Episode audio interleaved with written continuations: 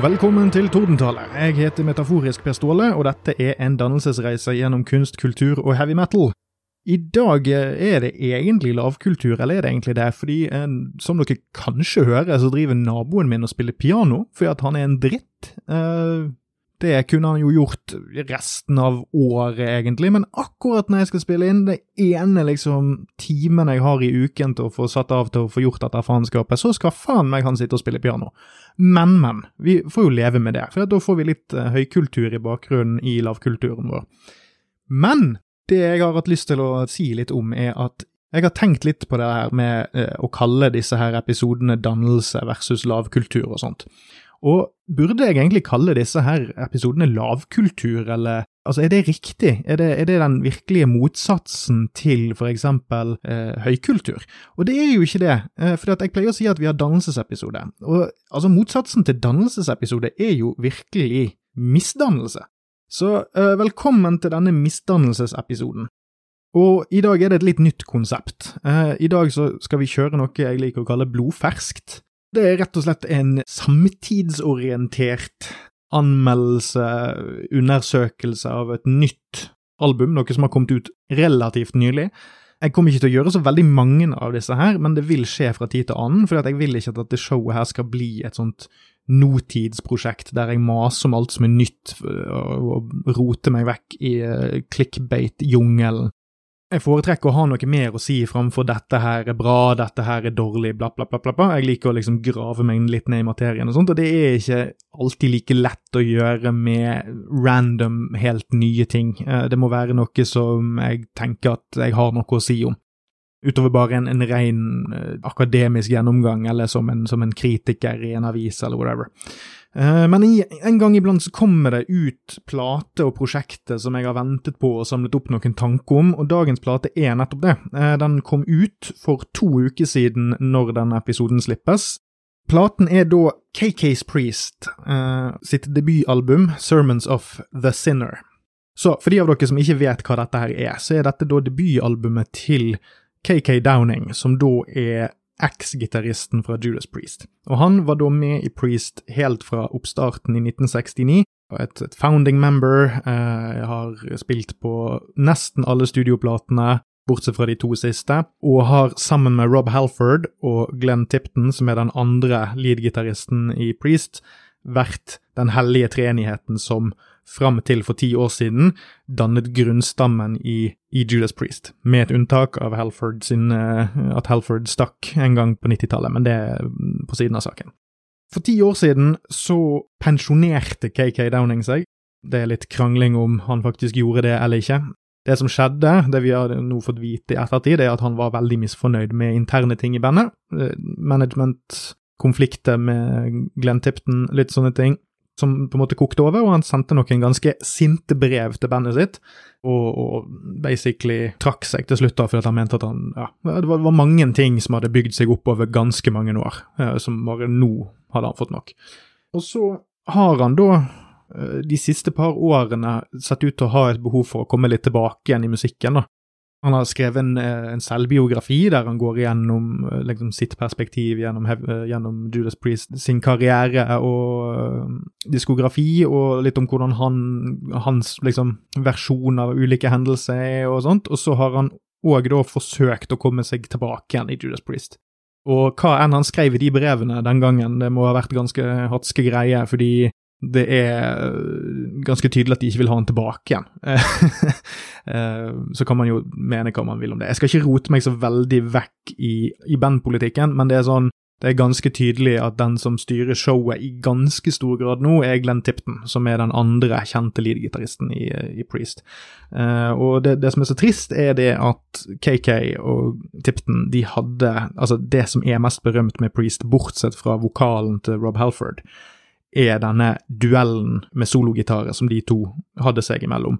Uh, og på sitt aller, aller beste så er det bare noe av den mest saftige og flotteste musikken som uh, man kan høre, spør du meg. Men for å, for å, avslutte hva dette prosjektet er, så er det rett og slett KK sin måte å tre tilbake igjen inn i, i offentligheten uh, og lage musikk som han da ikke får lov til å lage med gamlebandet sitt, på sine egne premisser. Og Da har han kalt det for KK's Priest, fordi at han på en måte tenker at dette er min legacy. Eh, jeg har jobbet i dette bandet så lenge at jeg har en, en, claim på, om ikke å kalle bandet mitt Judas Priest, så i hvert fall gi inntrykk av eh, slektskapet. Og det kan man jo si sitt om, om det er klokt eller ikke, men jeg tenker jo at det er det er jo et trekk som det er litt balle uh, å kjøre.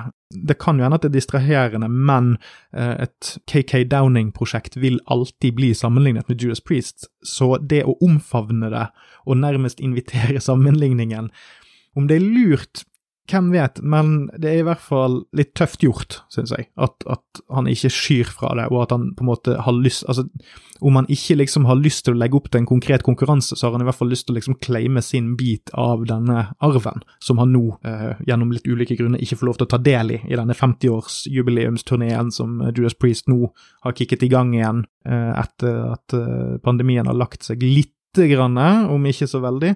Bortsett fra at da erstatteren til KK i Priest, eh, Richie Faulkner, eh, har jo nå hatt en, en, et enormt hjerteinfarkt som holdt på å ta livet av han. Og Glenn Tipton jo, spiller jo ikke i bandet lenger fordi han har, fått, uh, han har langt fremskreden Parkinsons.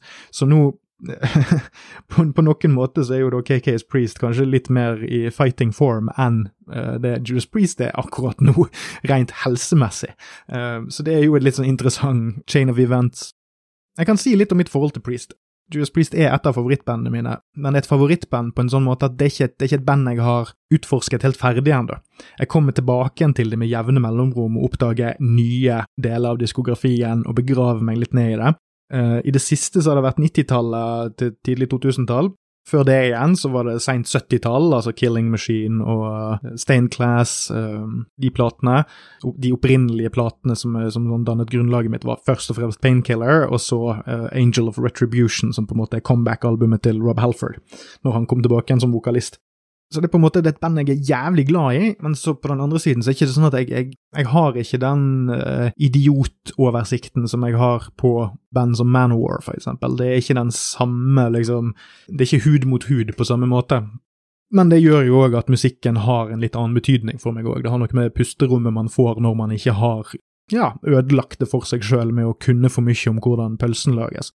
Uh, men så jeg vil bare beskrive konseptet Priest jeg vil kalle Priest det første skikkelige metal-bandet. I den forstand at de, de, var de første som bygde identiteten sin rundt det å være metal. I hvert fall i den grad at det går an å sammen... Altså, hvilken andre man kan sammenligne med, så jeg de, så mener jeg at det var de som gjorde det først, det var de som gjorde det best, og de omfavnet det når de omsider skjønte hva sjanger de var i. For 70-tallet var et veldig rart tiår når det kom til det å Altså den, denne rockesjangeren som, som, var i stadig utvikling. Det er jo de som sier, og jeg er tilbøyelig til å være enig, at uh, debutalbumet til Black Sabbath var det første heavy metal-albumet som var metal som sjanger. Uh, men det betyr ikke at, at Black Sabbath var et metal-band på den måten at de bygde identiteten sin rundt det. Det, det var det veldig mange av disse 70-tallsbandene som på en måte nesten litt sånn motvillig eh, kanskje godtok når de var kommet godt ut på 80-tallet. Det samme gjelder nok litt for Priest, men Priest virket som om de skjønte litt hva vei det gikk etter hvert. Uh, og det, det syns jeg har en egenverdi og en, uh, noe som gjør de veldig spesielle. Altså det der at de, dette, var, dette var de sin sjanger de liker denne sjangeren. De syns altså at, at, uansett hvor mange endringer de gikk igjennom uh, musikalsk gjennom tiårene, og det er ganske mange, jeg vet nesten ikke om et metal-band som har spilt så variert uten å være et prog-band uh, som det Priest har vært. De har lagd uh, syrerock, de har lagd poprock, de har lagd thrash metal, nesten. de har lagd groove metal, de har lagd rap metal. Altså, de har prøvd alt i utviklingens navn, eh, og litt trendjaging, men hvem har vel ikke gjort det? Eh, men de har alltid vært utforskende, de har alltid hatt Jeg kan alltid respektere hvor Uansett hva jeg mener om et album Priest har lagd, så kan jeg alltid respektere at de prøvde å gjøre noe nytt, men samtidig beholde en identitet. Og det har de vært ganske gode på veldig lenge. Det er kanskje bare liksom de siste ti årene at de har sluttet å gjøre det som er et fellestrekk de har med ganske mange andre legacy-band, altså band som har holdt på så lenge at de på en måte er en institusjon. Som Metallica, eh, som eh, Black Sabbath. sant? Eh, på et tidspunkt så prøver de alle å lage et album som, som liksom tilfredsstiller blodfansen på et eller annet vis. til slutt så gir man concessions, eller blir bevisst på hva som er det beste de har gjort i fortiden, og prøver å emulere det. Det, det er nesten en naturlov. Det er veldig få som slipper unna det der. Og jeg er ikke en lineup-purist, sånn sett, men i Priest sitt tilfelle så er det åpenbart at mye av magien som sagt ligger i et velfungerende trepartssamarbeid, akkurat sånn som i norsk arbeidsliv. Eh, man kan gjenskape deler av det uten en av deltakerne, men da blir det sin helt egen greie, som en søster eller en bror eller et søskenbarn, det er ikke en klon. Fordi Priest har hatt noen litt distinkte æraer. Altså, de har alltid drevet og byttet på trommiser. Gjennom 70-tallet så var det mange forskjellige trommer. Du hadde Les Binks og en drøss med andre som bare kom inn og ut, og så hadde de Dave Holland i en del år gjennom 80-tallet. Vi skal ikke snakke mer om han, av eh, litt ymse grunner, men det er nå greit. Eh, og så har de hatt Scott Travis siden Painkiller-albumet, altså de siste nok, ja, 31 årene. Men bortsett fra det så har eh, bassist Ian Hill, gitaristene KK og Glenn Tipton og vokalist Rob Halford på en måte vært den, den solide enheten, eh, også med, med de tre songwriterne, eller sangskriverne, KK, Rob og Glenn. Eh, men på 90-tallet så sluttet uh, Rob Halford i bandet av en myriade med ulike grunner, og da kom det inn en erstatter som het uh, Tim Ripper Owens, som var en jypling som var rundt sånn 15-20 år yngre, og var en banshee screamer som kunne på en måte synge Priest-sanger klokkereint, men òg hadde en egen ganske sånn distinkt stemme. og i 1997 og 2001 så kom det ut to studioalbum. Det var um, med hans vokalist. Det har også kommet ut to livealbum uh, som er ganske forskjellige på mange ulike vis, men Jugulator er på en måte en slags 90-talls uh, eh, Pantera-infusert oppfølger til Painkiller, mens Demolition er en tidlig 2000-talls utforskende hva faen gjør vi nå, uh, vi er et gammelt metal-band og vi skjønner ikke hva ungdommen liker lenger-prosjekt. Litt sånn Judas Priest prøver å kombinere det og, og svare til både Korn og Metallica på en gang. Men dette her, altså KKs Priest, er på en måte en slags mini-gjenforening, fordi uh, her har da KK rekruttert Tim Ripper Owens tilbake igjen. Uh, så jeg som er så interessert uh, i de ulike aspektene av Priest, jeg ble veldig interessert i prosjektet med en gang det ble annonsert. Fordi jeg mener at det finnes veldig interessante aspekter med Ripper-æraen av Priest, som Altså, sant, Jeg skal ikke drive og sammenligne det med Halfords uh, Priest eller noe sånt, men det er, det er mange interessante veier Priest kunne gått uh, med Ripper som frontmann utover 2000-tallet. Jeg tror faktisk at Priest kunne overlevd med han som vokalist. Ikke at jeg hadde foretrukket det nødvendigvis, men det hadde vært, det hadde vært interessant å sett. Uh, og dette blir på en måte et slags offshoot, uh, søskenbarn tredjealbum til uh, Ripper-æraen av uh, Priest. Og det, ja, det i seg sjøl gjorde at eh, jeg har gledet meg til å høre dette. Uh, jeg har vært veldig skeptisk, jeg har ikke liksom vært overbevist om at dette her kommer til å bli noe bra, eller noe sånt, men uh, det, det, er sånn morbid kuriositet. sant? Altså, det, det, det er litt den samme Litt den greia når, når, du er åtte år og finner en hundedritt i veikanten. Du får lyst til å finne fram en pinne og pirke i det, sant? Altså, bare for å finne ut hva som er inni det. Uh, og Jeg sier jo ikke at dette her er en hundedritt, liksom, men det, er, det, det kan vel så gjerne være den samme delen av hjernen min som er fascinert her òg. Altså, nå skal vi komme litt tilbake til hva jeg mener, men helt uavhengig av hvilken vei dette gikk, så vil jeg uansett viet ganske mye tid for å sette meg ned og høre på det, fordi det er, det er så mange ulike aspekter man kan gå gjennom her eh, og, og, og, kikke på, som jeg syns er veldig morsomt og interessant. Uh, Lineupen, bortsett fra at altså, Tim Ripper Owens han har jo da som sagt sunget i Priest i en del år, og han har òg uh, vært uh, vokalist for Iced Earth og Yngve Malmsten. Så har de med seg gitarist AJ Mills, han spiller i et band som heter Hostile.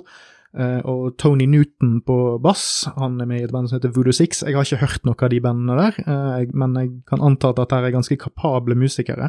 Uh, og så har de med seg trommisen Sean Elg, eller Elg, eller hvordan de uttaler det på engelsk, men det er i hvert fall Elg på godt norsk.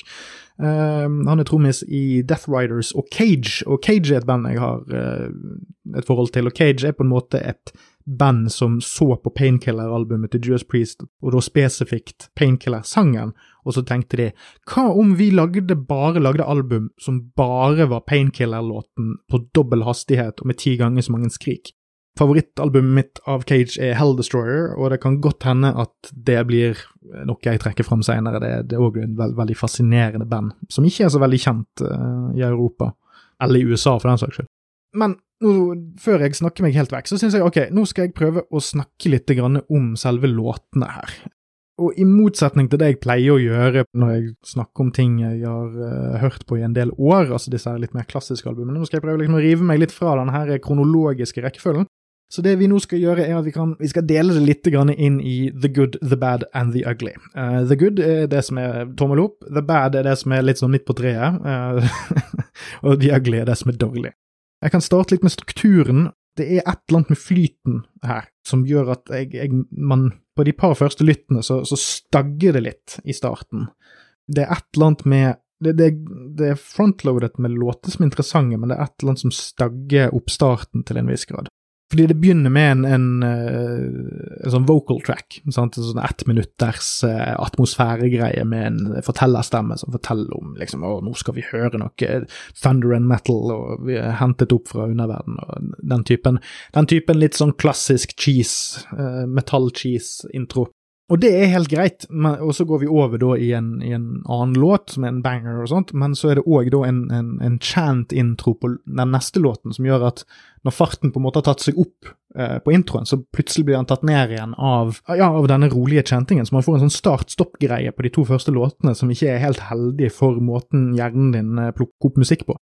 Og så er det ikke nødvendigvis det at låtene etterpå er dårlige, men det er det at den, den startstoppen der gjør at du mister litt flyten der, og så kommer det noen litt roligere låter i midten, eller som ikke eh, Det der Midtseksjonen er òg det svakeste, med unntak av den siste låten, så da blir det Du får ikke liksom helt flydd på vingene sammen med, med de tre første låtene skikkelig før du får den nedturen.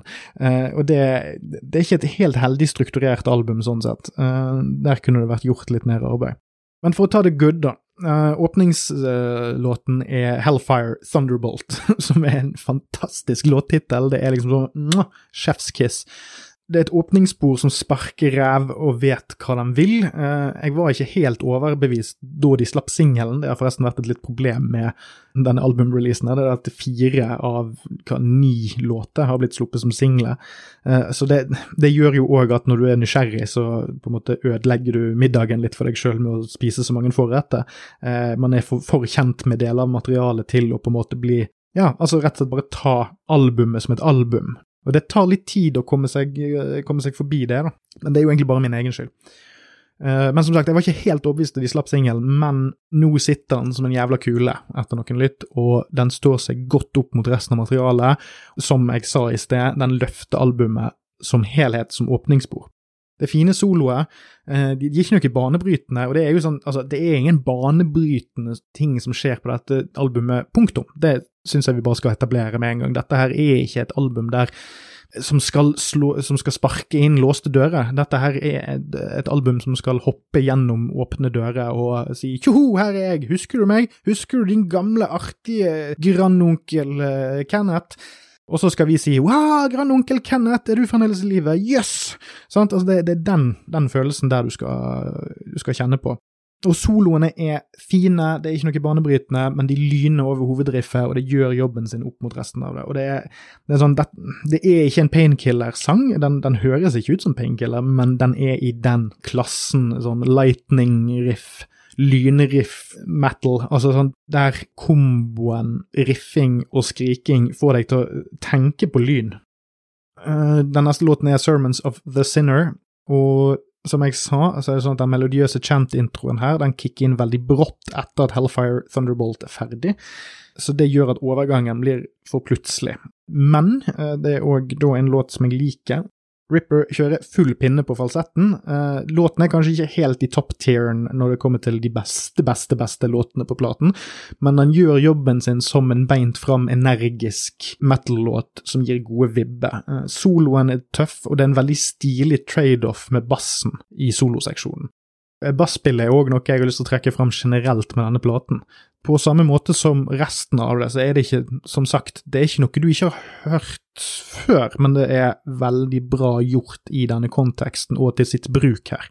Eller, nå skal jeg ta med litt i det, det er på en måte noe du ikke har hørt før, for jeg har ikke hørt KK Downing sine riff eh, opp mot denne typen bass før, så det er litt interessant. Så har vi den neste. Eh, det er Sacerdote i Diabla, eller Sacerdote i Diablo. Det er da en spansk tittel, eh, som på norsk betyr noe sånt som Presten og djevelen.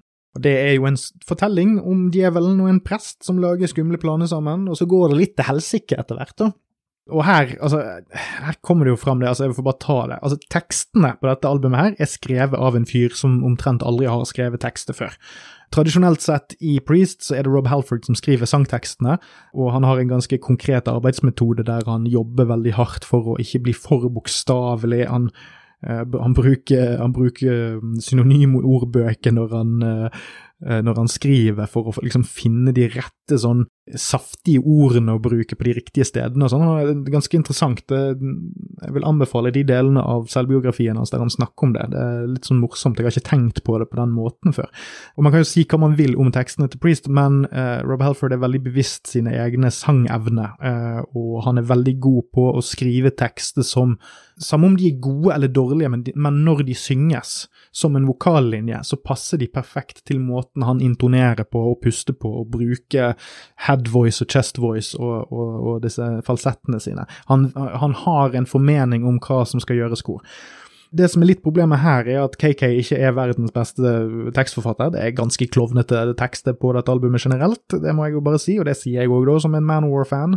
Eh, og det sier jeg jo da òg som en fan av metal-musikk som er Altså, for meg så er ikke det så viktig at det er fantastisk gode tekster, eh, men det er noen ganger tekster blir Dårlige tekster blir mer skadelige for musikken enn andre, og det er når du legger merke til den fremfor vokalen. For min del, i hvert fall. Det er sånn jeg hører musikk. Hvis det er sånn at jeg legger mer merke til teksten enn vokalen, så får jeg en sånn eh, kognitiv dissonans når jeg lytter.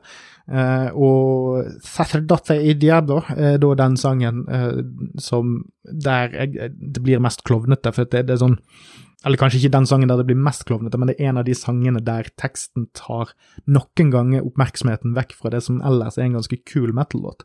Eh, det kommer seg litt etter hvert, altså. Og bare når du blir vant til dette tekstuniverset som KK driver og roter rundt med eh, Det er ikke bra, men det er Det er ikke fælt heller. uh, Mainriffet er strengt og stramt. Uh, det er litt sånn lettsynt koring i bakgrunnen som gir litt sånn mer atmosfærisk preg, og som trekker trekke låten vekk fra de to forrige låtene jeg har beskrevet. Og refrenget blir bedre og bedre i løpet av sangen, eh, til tross for Ripper sin high school-spansk, som ikke akkurat er helt sånn eh, Det er ikke helt seks pluss, for å si det sånn. Eh, den neste jeg har lyst til å trekke fram, er Metal Through and Through, som er en banger. Den har en Maiden-aktig introduksjon og startriff og faktisk òg basspillet litt etter hvert. Derfor er jeg veldig sånn Steve Harris eh, på, på, på slow-modus-assosiasjoner. Eh, eh, det er en rullende og byggende sang som sitter godt, og her kommer da metal-etosen til sin rett. Teksten sitter godt relativt til musikken, og KK claimer legacyen sin litt med den låten her det som òg er litt annerledes med tekstene her relativt til Priest, er at den, denne platen virker som den er veldig bevisst på at det er en metal-plate, og den synger om metal. Eh, mye, mye mer enn det eh, Priest noensinne har gjort. Eh, og jeg, jeg kom ikke på egentlig så veldig mange soleklare Vi er metal-sanger som de har lagd. Eh, så det er sånn på en måte så er det en litt sånn divergence, altså et, eller en Ja, et, et steg vekk ifra denne konkrete Priest-assosiasjon. Og det skal KK ha, at han ikke har prøvd å kopiere sangtekstene til Halford. Han har faktisk prøvd å bare skrive det som kommer til han. litt uavhengig av Ja, jeg syns det er fint, jeg, at grandonkel Kenneth eh, dikter litt på sine gamle dager. Men tilbake til sangen. Det er et pent melodiøst mellomspill. Ripper kommer virkelig til sin rett i refrengene. Uh, den blir òg seigere etter hvert, på en måte som funker veldig godt. Og så kommer vi til platens aller beste låt, det er Wild and Free. Den har et mektig riff, den har råe rytme og vers. Den har fantastisk kul soloveksling som svever over riffet. Eh, det er en tanke jeg har tenkt meg, at jeg vet ikke om det er AJ Mills og KK som spiller solo mot hverandre, eh, eller om det er KK som spiller begge. Det høres ut som det er distinkte trade-offs. Uh, og, og, på musikkvideoene de har sluppet, så er det det at de duellerer som er den klassiske Priest-formelen. At, at, de, de trade off, eller de spiller mot hverandre uh, i soloene. Men jeg vet ikke om det er KK som har spilt inn begge deler i, i studio. Men det høres, som sagt, det, det, det, er litt forskjellige identiteter i høyre- og venstre kanal her, så jeg Men tilbake til låten, da. Den flyr motstandsløst fremover.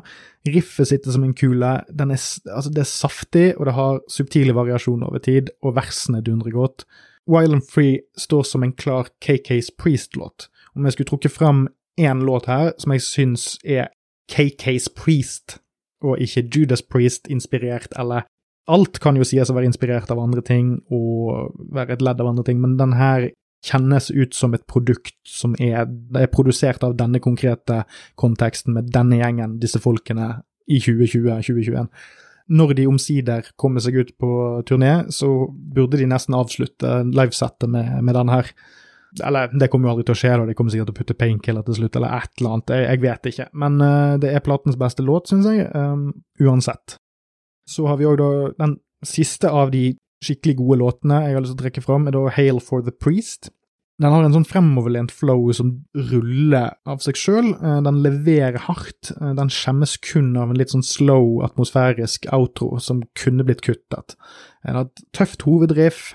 Det er òg en av de bedre tekstene, i den forstand at den ikke tiltrekker seg negativ oppmerksomhet.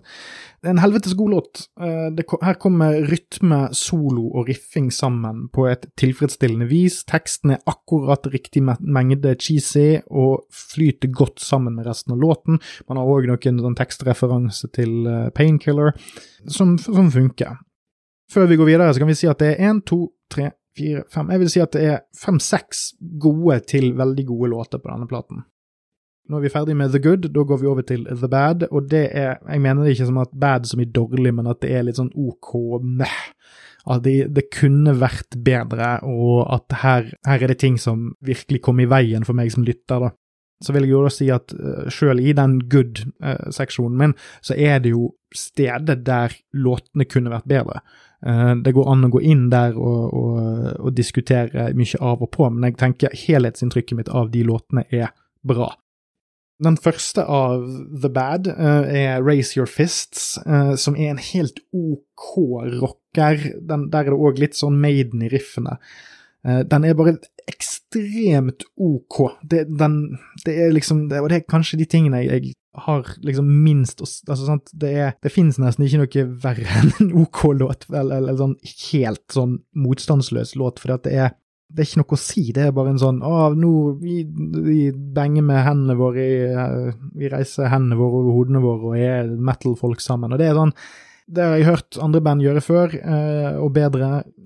Og her, her, her, Det er ikke noe særpreg med Raise Your Fists. Det er det fins jo sikkert 1200 sanger som heter akkurat Raise Your Fists òg, så det er sånn Den er ikke dårlig, liksom, men, og det er sikkert noen som kommer til å like den, men den er den, ja, den, den, den har ingen særpreg, syns jeg. Så går vi til neste låt av The Bad, Return of the Sentinel. De som er litt priest-kyndige, hører jo at på tittelen at dette her er en direkte referanse til The Sentinel, som er en kanskje Ja, det er kanskje Ja, det er, ja, det, er, det, det er den beste Priest-låten noensinne, tror jeg. Kanskje òg spesielt fordi det er et perfekt eksempel på KK versus Glenn både live og på plate uh, i solopartiet der, som bare er helt fuckings fantastisk. Uh, og jeg kan bare på det varmeste anbefale liveopptaket fra Priest Live, uh, fra Turbo-turneen. Det, er en sceneopptreden av som er top notch, spesielt for de av oss som ikke har like stor allergisk aversjon mot puddelhår og, og skinnjakke som ser ut som de er designet av Kikki Sørum. Um, men det jeg vil gi litt skryt for her, er at når KK først går hen og direkte refererer en annen Altså direkte refererer til en Judas Priest-sang. Uh, han assosierer jo seg med Priest i sangen Hail for the Priest, men det er jo bare en, en, en referanse til noe En slags idé han har om at han er òg en priest. Altså, han har Det er noe med Judas Priest som ikke bare er det bandet, men det er noe med den sounden som de har, som ikke det eller som han òg er en del av, eh, og han har på en måte lyst til å claime sin lille bit av det. Eh, og det, det, kan man jo eh, respektere på noen vis. Men dette er et helt konkret referanse til en helt konkret låt, og på mange måter er det en slags oppfølger. Det er en oppfølger til The Sentinel. Men når du først skal gjøre det, så syns jeg det er veldig veldig bra at han har lagd en låt som ikke er lik i det hele tatt. Uh, The Sentinel er en kjapp lynmetallrocker med så mye flash og groove og glasur og kransekake på at, at man blir ja, Det er nesten som man driter på seg av, av ren ekstase når man hører på det.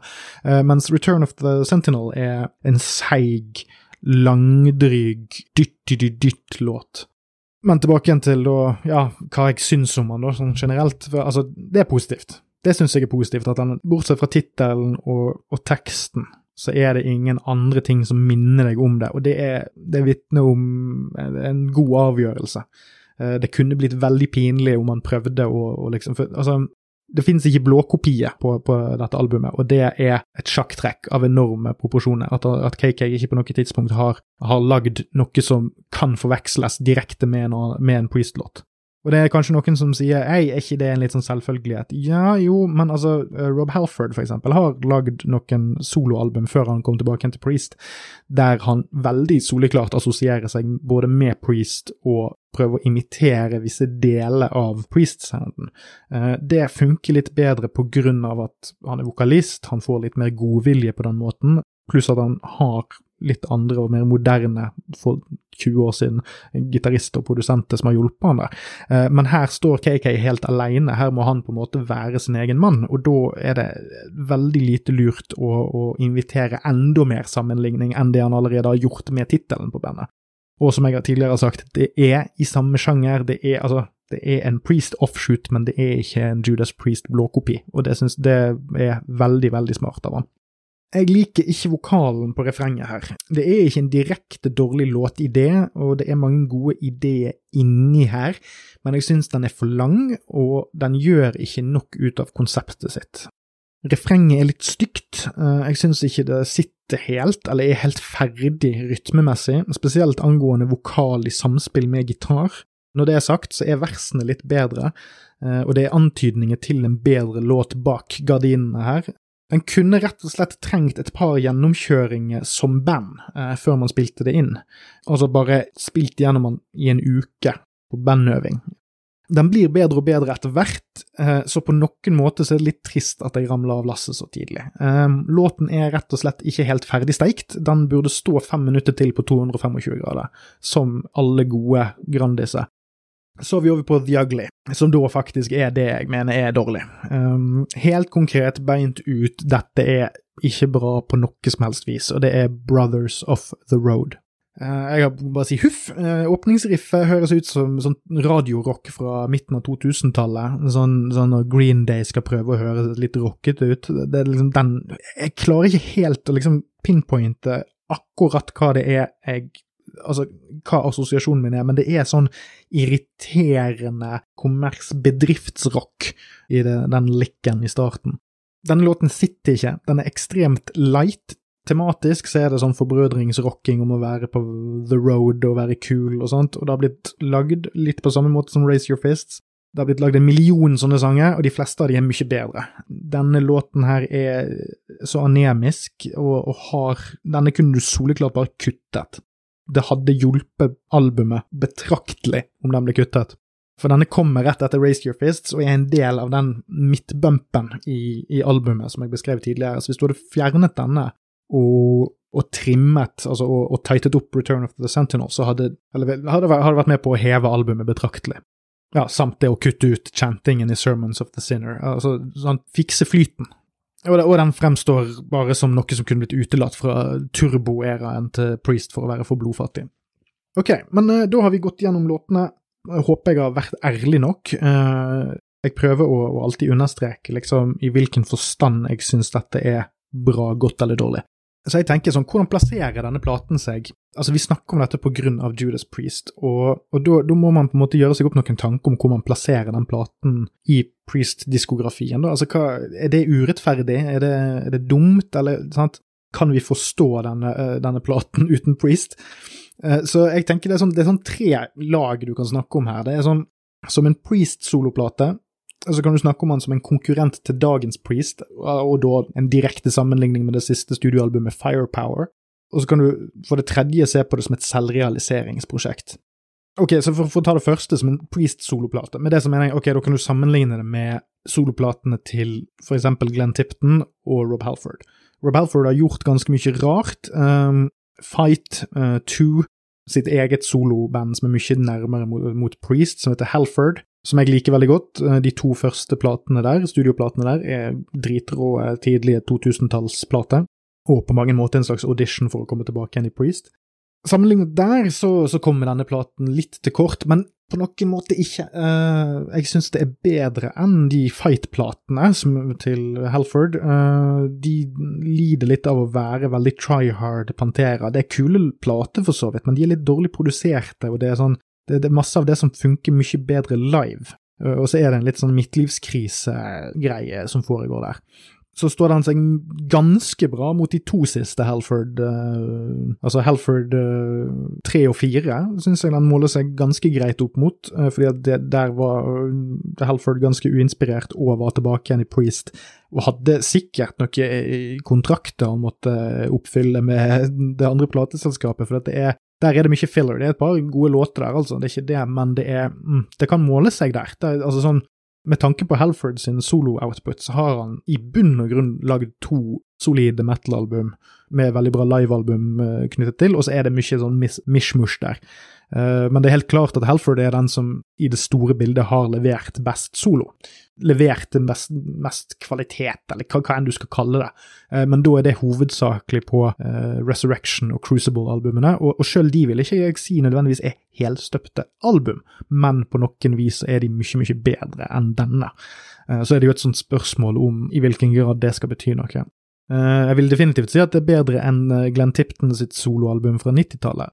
Som jeg ikke husker så veldig godt i farten nå, men det, det, sånn, det var veldig sånn her Nå skal fetter Glenn prøve å finne ut hva han har lyst til å gjøre, mens uh, han tror at uh, hovedbandet sitt har gått konken. Så på den måten, hvis man tenker Priest-medlemmet utenfor Priest, så er det mange aspekter med denne platen her som kan måle seg mot mye av det, og på noen måte Altså, Som et album så kan den på en måte kanskje sies å være en mer komplett pakke enn for eksempel sjøl da, Resurrection og Crucible, som er mye mer eh, hva skal jeg si, schizofrene eh, opplevelser. Det er litt mye forskjellig som foregår på de, eh, og, og, de er litt eksperimentelle på noen vis.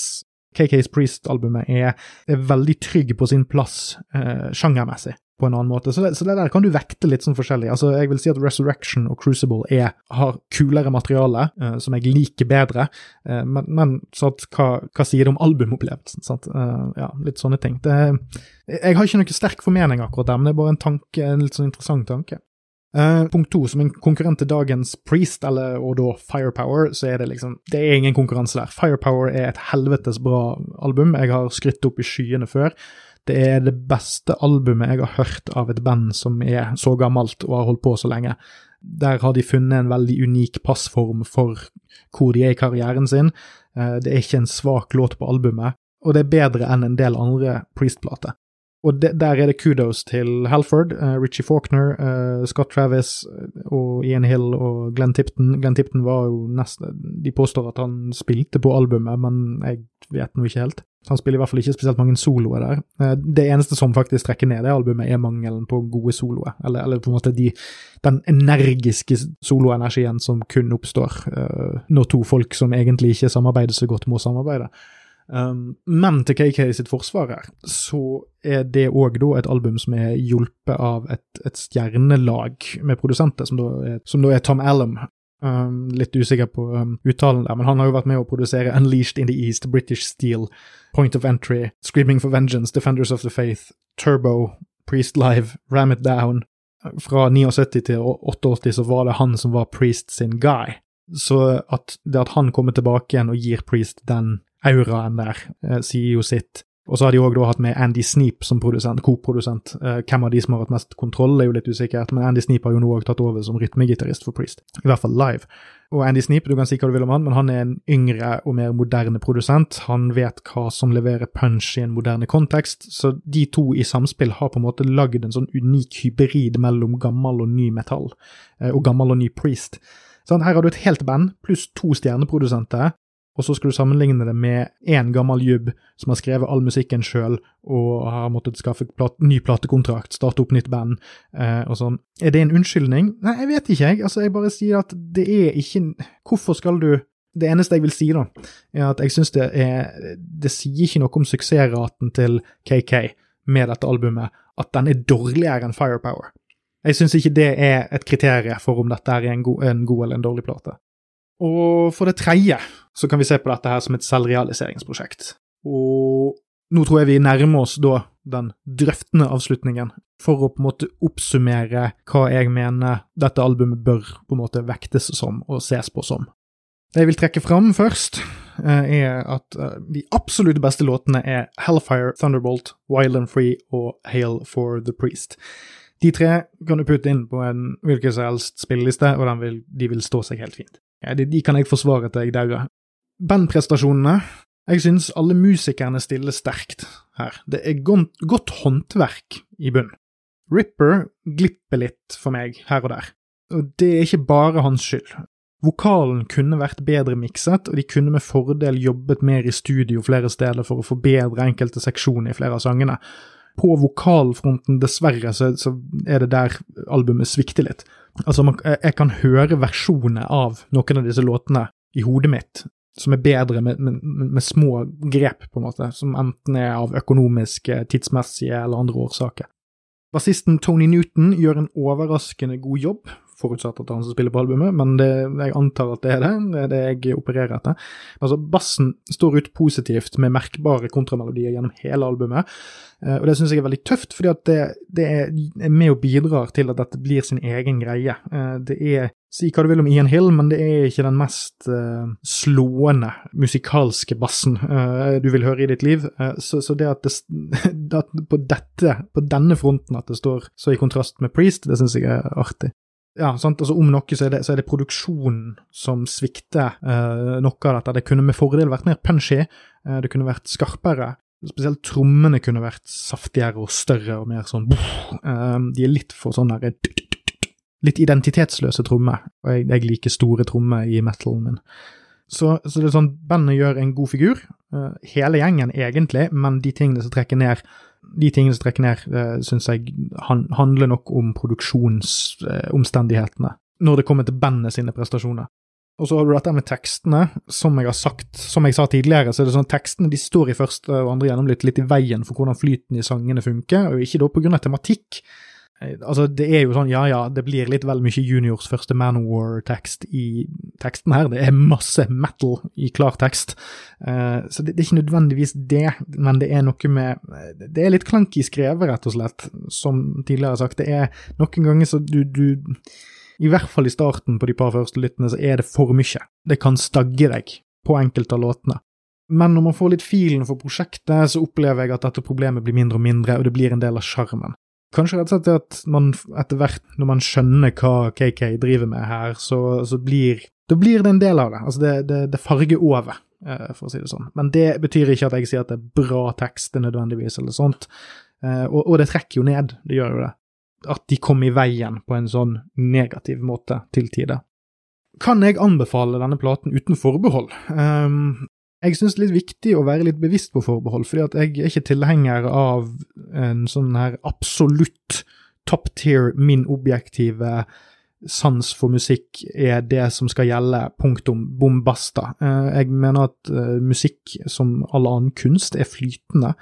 Uh, det er lite håndgripelig. Selvfølgelig har jeg mine pet peeves og sånt, men som jeg, jeg, antydet når jeg drev og sammenlignet disse ulike prosjektene i sted, så er det mange forskjellige måter du kan trekke disse sammenligningene på, og noen av de er fordelaktige, og noen er ufordelaktige for forskjellige parter.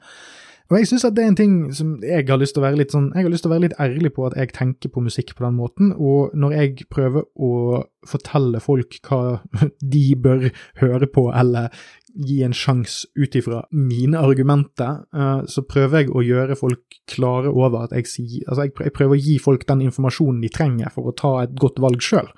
Man nyter ikke alt på samme nivå. Et av yndlingsvennene mine er et thrash metal-band som heter Overkill. Men jeg forventer ikke samme kvalitet fra de som fra Wasp. begge de er metal-band, men de opererer i så totalt forskjellige sfærer at det er forskjellige kriterier man måler de ut fra. Og jeg mener ikke at de seriøst er konkurrenter på noe som helst vis.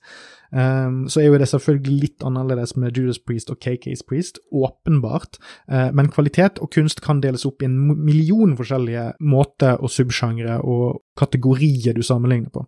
Med det i mente så høres det kanskje ut som jeg prøver å forsvare denne platen og legge inn masse unnskyldninger, men det er rett og slett sånn at jeg syns det er en del, en god del bra her, en del passe, og noe i en låt som er regelrett dårlig. Tekstene kunne med fordel vært bedre, og det er nok den største kneiken for mange å komme seg over. Og enkelte av låtene kunne ha nytt godt av å ha blitt kjørt gjennom som band noen ganger. Men når det er sagt, så er dette et album som jeg i utgangspunktet ble litt skuffet av, men som jeg med flere lytt har virkelig begynt å verdsette. Sånn som jeg ser det, så er alt KK trengte å gjøre med dette albumet, var å vise at han kunne lage musikk med egen art, og det har han fått til. Det er tydelig at han har masse materiale å trekke fram, og at dersom det var et spørsmål om å bevise at han hadde noe å fare med i Judas Priest sin historie, så var det unødvendig for min del, men jeg skjønner det behovet han hadde for å gjøre det. Gubben er 70 år, jeg forstår det at hvis du, når du begynner å kjenne liksom The Grim Reaper begynner å banke litt forsiktig på i dørkarmen, så skjønner jeg at du får lyst til å trekke på deg skinnbuksene en siste gang og ri ut for å stagge det litt. Eh, kanskje han har subbet rundt i tøflene sine og spilt golf litt for lenge. Men jeg mener til gjengjeld at han har lagd låter som er genuint gode, eh, og mange av disse her kommer til å fungere veldig bra live, mellom Priest-klassikere og materiale fra Ripper-æraen. Og det ser jeg veldig fram til å få hørt og sett live. Det, ingenting vil glede meg mer enn å få sett uh, eh, KK på scenen en siste gang. Hadde platen vært bedre med en skikkelig produsent og høyere budsjett? Definitivt. Det hadde òg veldig mange andre plater vært, for eksempel Priest sin egen Redeemer of Souls. Så jeg vil bare si helt til slutt at som album så er KK's Priest Sermons of the Sinner ujevn. Som førsteplate er den interessant, fordi jeg syns den har nok identitet og ego til å være sin egen greie. Den har noe på gang som ikke er copy-paste fra Priest.